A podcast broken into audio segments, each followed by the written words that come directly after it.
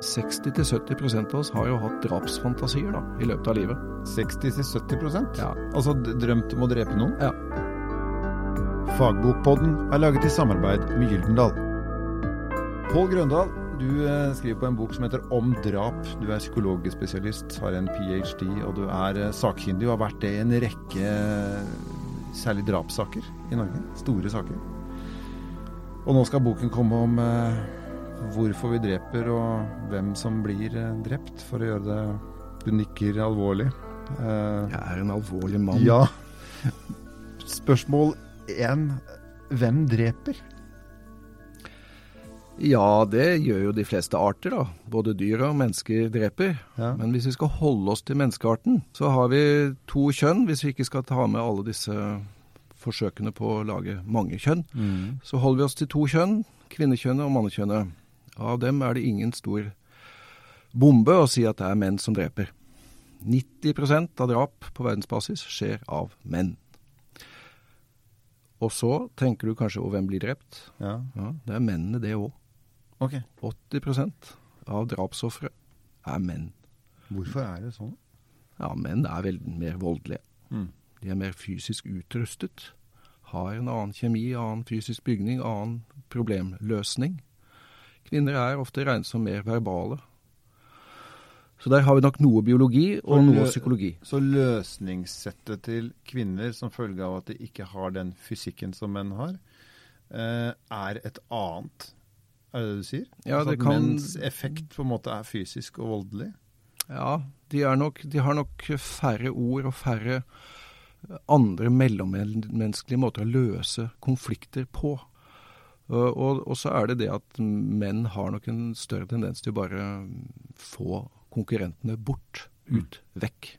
Og det ser vi også på måten menn eh, drepes og skades på, versus kvinner. Menn er, har ofte ett stikk eller ett skudd, mens kvinner er ofte utsatt for mer brutal vold, så man finner flere stikkskader og mer brutal vold på kvinnene. Men hva kommer det av, da?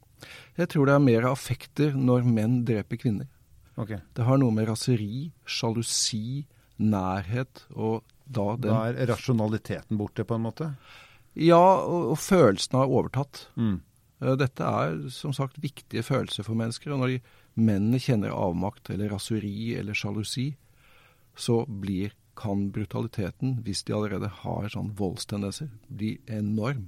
Ja, for det var neste tenker, For dette, det, er jo, det er jo forferdelig skummelt å si at dette her er noe som gjelder alle menn, for det er vel kanskje ikke? Nei, jeg har hørt om dette her at um,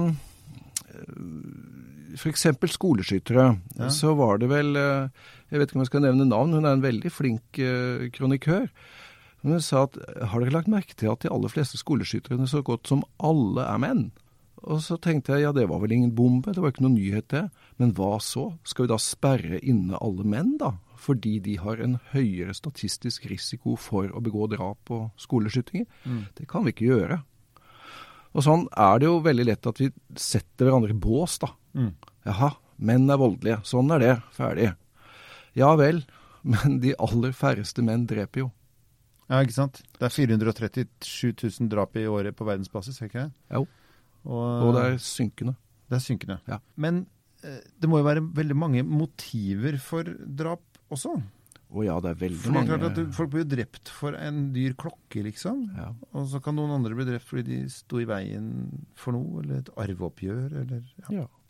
Så har vi til og med det jeg ikke skriver så mye om. Vi har jo legitime drap. ja. Krig. Krig. Mm. Henrettelser. Hvor, stat, hvor, hvor staten har stemplet at det er greit. Ja. Og det er, det er også drap. Mm. Så vi har altså uh, legitimerte drap i lovverket. Mm.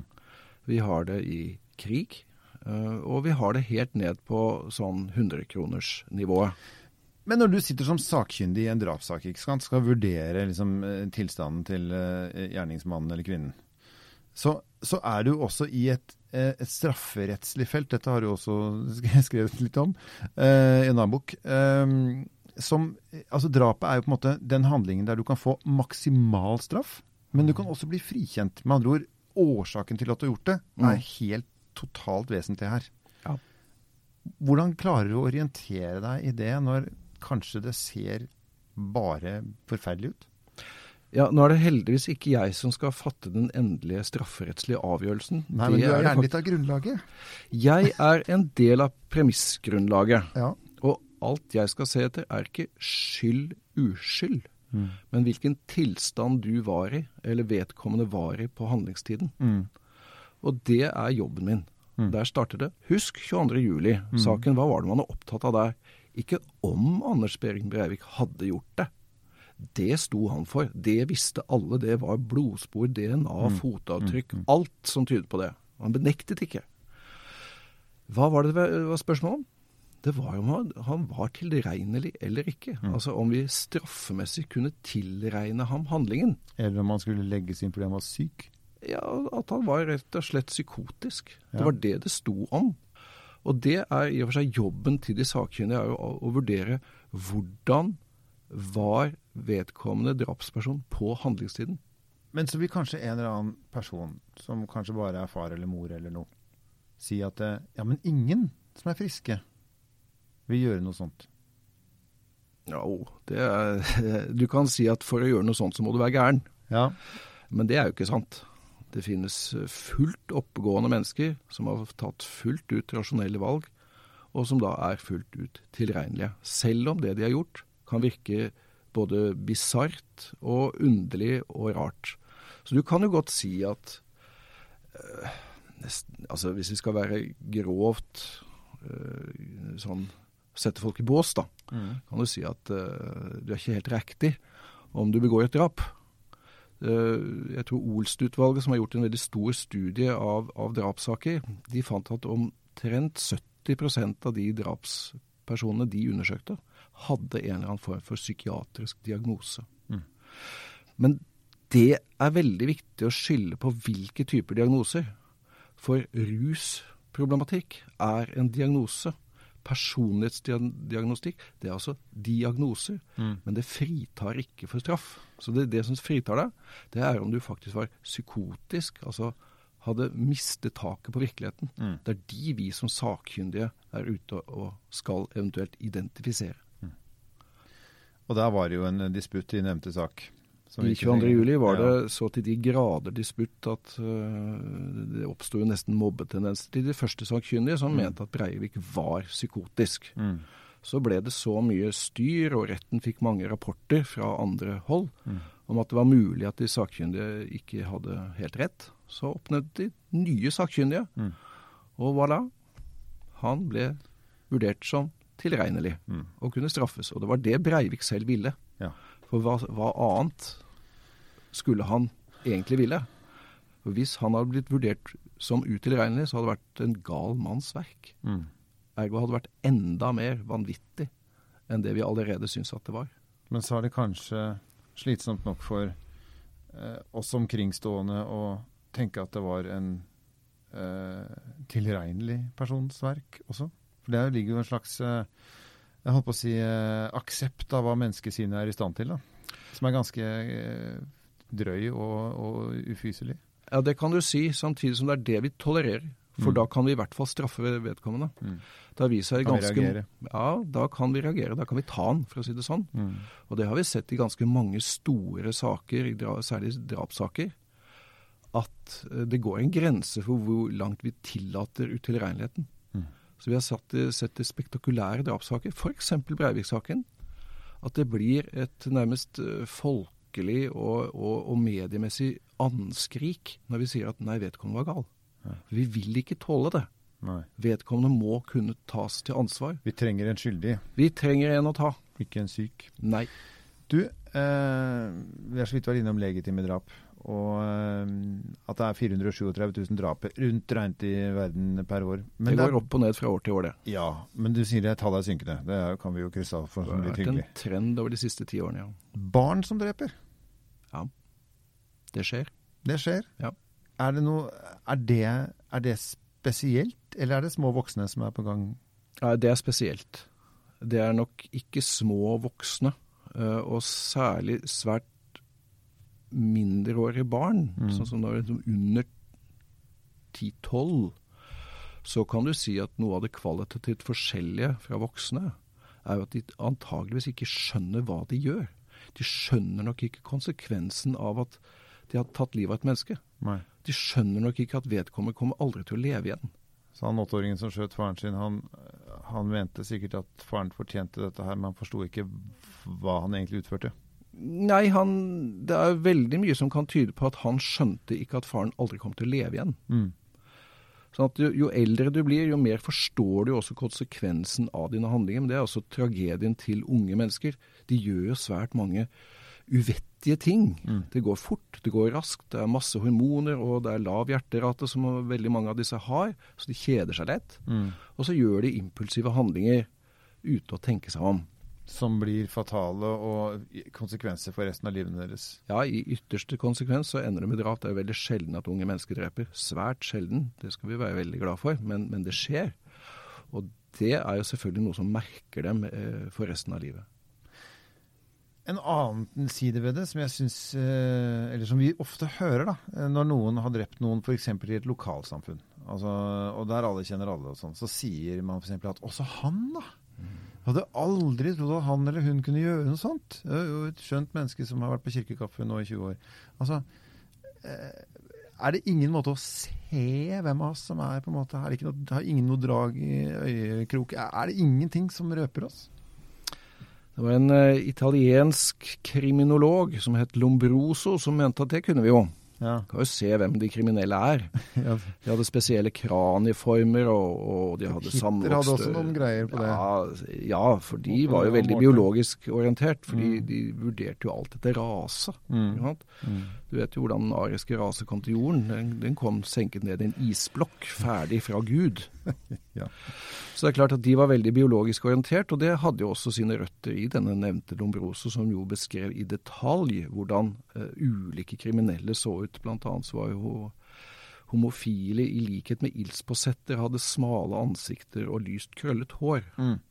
Og Gikk sånn, på eh, hårfarge også, ja. ja, det gikk på hårfarge også, og, og, og drapsmenn hadde utstående ører og stikkende blikk, blant annet. Det har rest. Ja. Mm. Så, men eh, den teorien, den har forsvunnet ganske fort ut. Har blitt erstattet med noe? Ja, det har det. Eh, Det er en psykolog, eh, veldig flink, dyktig og hyggelig kar, som heter Adrian Rain, som sa at vi, vi var vel litt tidlig ute med å hive all biologi over bord. Ja. Eh, Og det kan nok stemme. Det er biologiske markører også i drap. Men vi kan ikke si at det er det eneste som virker. Fordi vi må ta inn den situasjonen vedkommende er i. Men du kan si at den beste prediktor for vold, det er tidligere vold. Okay. Og jo tidligere du startet med volden, så er det en prediktor for at du seinere kan også utføre alvorlig drap. Men det er ikke derved sagt at fordi du har eh, biologiske markører og du har utøvet tidligere vold, så blir du en drapsmann. Er det derfor det er så viktig da å snappe opp eh, sånne tendenser blant eh, unger? Vi skal være veldig oppmerksom på hva unge driver med. Eh, Jeg kan gi deg et- et eksempel. Vi kan ikke forutsi hvem neste skoleskytteren blir. Verken i Finland, USA eller Tyskland. Hvorfor det? Eller her? Eller her. Vi har ikke hatt noen, da. Nei. Jo, jeg kunne godt lage en profil for deg. Han er ung, han er hvit, våpenglad, sosialt isolert og mobbet. Der har vi skoleskytteren. Mhm. Problemet er at nå har jeg beskrevet noen millioner unge mennesker som aldri kommer til å drepe noen. Ja, det er skrekkelig mange av de. Veldig mange. Mm. Så det vil si at det vi må se etter, er de tidlige tegnene på avvik og vold. Halvparten av skoleskytterne de har lekket et eller annet form for materiale, voldsmateriale på nettet. Mm. eh, Med video av seg selv, med gunnere og, og trusler osv. Vi må starte der nede. Ikke for å identifisere skoleskytteren, men for å identifisere tidlige spirer til vold generelt. Vi klarer ikke å identifisere noen fordi det er uh, drapspersoner, fordi det er så sjeldent. Så vi kan ikke bygge statistikk på det. Er for, det er for lite masse. Akkurat. Ja. Så hver gang jeg kommer med en generell sånn profilering som jeg nettopp gjorde nå, så er det altså tusentals så mange som passer profilen, men som aldri gjør noe. Alt du gjør er å kriminalisere en masse mennesker. Ja, du stigmatiserer en masse, masse mennesker, som vi startet med. Ja. Hva med menn? Ja. Det er menn som i Mm. 90% dreper. Men vi kan ikke arrestere alle menn for det, fordi at de aller, aller færreste menn dreper. Mm. Samme gjelder med unge. Samme gjelder med å se at noen er mordere. Vi, vi, vi kan ikke det. Hvis vi skrur eh, jeg håper å si menneskehistoriens eh, klokke bakover, før eh, akademia, før eh, noe særlig form for teknologi, og så ser vi på hva som var realmakt den gangen, det var jo muskler og stål og klubbe. Eh, kan det tenkes at det samfunnet vi har laget oss, er litt for lite fysisk? At, Ja, det, du- at, ja. liksom, at, at det, det er på en måte ikke lov Du har lyst til å banke opp noen, da. Mm. Ikke drepe dem, bare gi dem litt juling, for du er forbanna. Men det er jo ikke lov. Hvis du ikke kan snakke for deg da, så hva gjør du da, liksom? det der må du nesten stille en filosof et spørsmål om. Ja, du kan prøve meg på en psykolog, kan du ikke det? nei, jeg, jeg, jeg vet at det er en del evolusjonspsykologer som nok vil si at vi er eh, styrt av både instinkter og, og hvordan vi var nødt til å leve livene våre på steppene og i marka for titusenvis av år siden. Mm. Da var vi nødt til å være brutale for å overleve selv. Mm. Og at dette ligger i oss som, en, som, en, som et repertoar. da. Mm. Men da er det det at vi har bygget ut ganske mange store samfunn som er helt avhengige av at det ikke oppløses i en sånn anarkistisk voldsgreie om at eh, jeg har rett til å ta og, og denge inn trynet på deg fordi jeg føler for det. Mm. Og kan. Ja, altså nå har vi andre ting, da. Vi kan jo gå og trene, vi kan løpe, vi kan gå og skrike i marka. Det er mange andre utløp for det, og vi har til og med tid til det. Mm. Men uh, du kan jo si at eh, en måte vi kanskje fortsetter å ha disse tankene om, det er jo at uh, 60-70% av oss har jo hatt drapsfantasier da, i løpet av livet. 60-70% Ja. Altså drømt om å drepe noen? Ja. Ok. Hvordan skal det, hvordan skal man hvordan gjør man det? Hvordan man fantaserer. Ja, nei, altså, jeg tenker, nei, altså, ok, jeg, Det første jeg tenkte nå, var at uh, dette er en fantasi man fort kan bli litt redd for. Ikke sant? Nei, Eh, Du er, du er utdanna. Ja. Vi andre er jo ikke det. det er Vi- lov å tenke tanker. Ja, jeg skjønner det, men er det ikke litt skummelt å gå rundt og ville drepe noen, da? Ja, Hvis du hele tiden går rundt og fantaserer om å drepe noen, mm. så er jeg enig med deg. Mm. Da begynner det å nærme seg Kommer du tar deg en tur til fastlegen Jeg håper ikke det er fastlege du er sinna på, og bli men- henvist. Ja. Ja, nei, vet, Da snakker vi om større problemer. Mm. Jeg tenker nok litt mer på hverdagsfantasiene. ok. At den der eh, Hvilken, hvilken er det normalt å ha, da? Sånn type. Hvor som, langt, hvor langt kan du gå? At du koser deg med tanken. Om man tar livet av noen? Ja, eller at vedkommende var bare borte. Huh, borte. Ja. En mildere variant er at ikke vedkommende bare blir sjuk, da. Ja, ikke Så er sant? vi kvitt kjerringa. Ja. Eller uh, Bort fra jobben? Ja. Ja. Uh, Det var en som spurte meg Ja, men hvorfor, hvorfor, hvorfor dreper man La oss ta Orderud, da. Mm. Hvor jeg ikke vet Jeg kan ikke vite hva som har skjedd. Ingen vet hva Det var en som spurte ja, men å drepe for en gård? Ja. Så sier jeg ja, hvorfor ikke? De gamle skyna dør jo aldri. Nei. De holder på. Kan Er- ikke bare bli borte, da? Er en konstant plage, ja. Ja. Så kan du i hvert fall ha tanken om det. Mm. Du kan tillate følelsen at du ønske de snart kunne pelle seg bort. Men det bør jo stoppe der, da. Ja, for nå håper jeg du kan si noe for å trøste alle At det er- drapsfantaserere. Liksom, Ja. det er et stykke mellom å fantasere om det og det å faktisk gå og gjøre Det det. er et svært langt stykke imellom der. Jeg vil nok si at hvis du stadig er nærmest litt plaget av påtrengende tanker om at du skal drepe, da er du gått utover fantasiverdenen. Og da ville jeg vel kanskje tatt den turen til fastlegen og, og bedt om en time med en, en, en, en flink psykolog øh, som kan håndtere aggresjon. Mm. For da er det kanskje vel mye aggresjon i deg. Mm.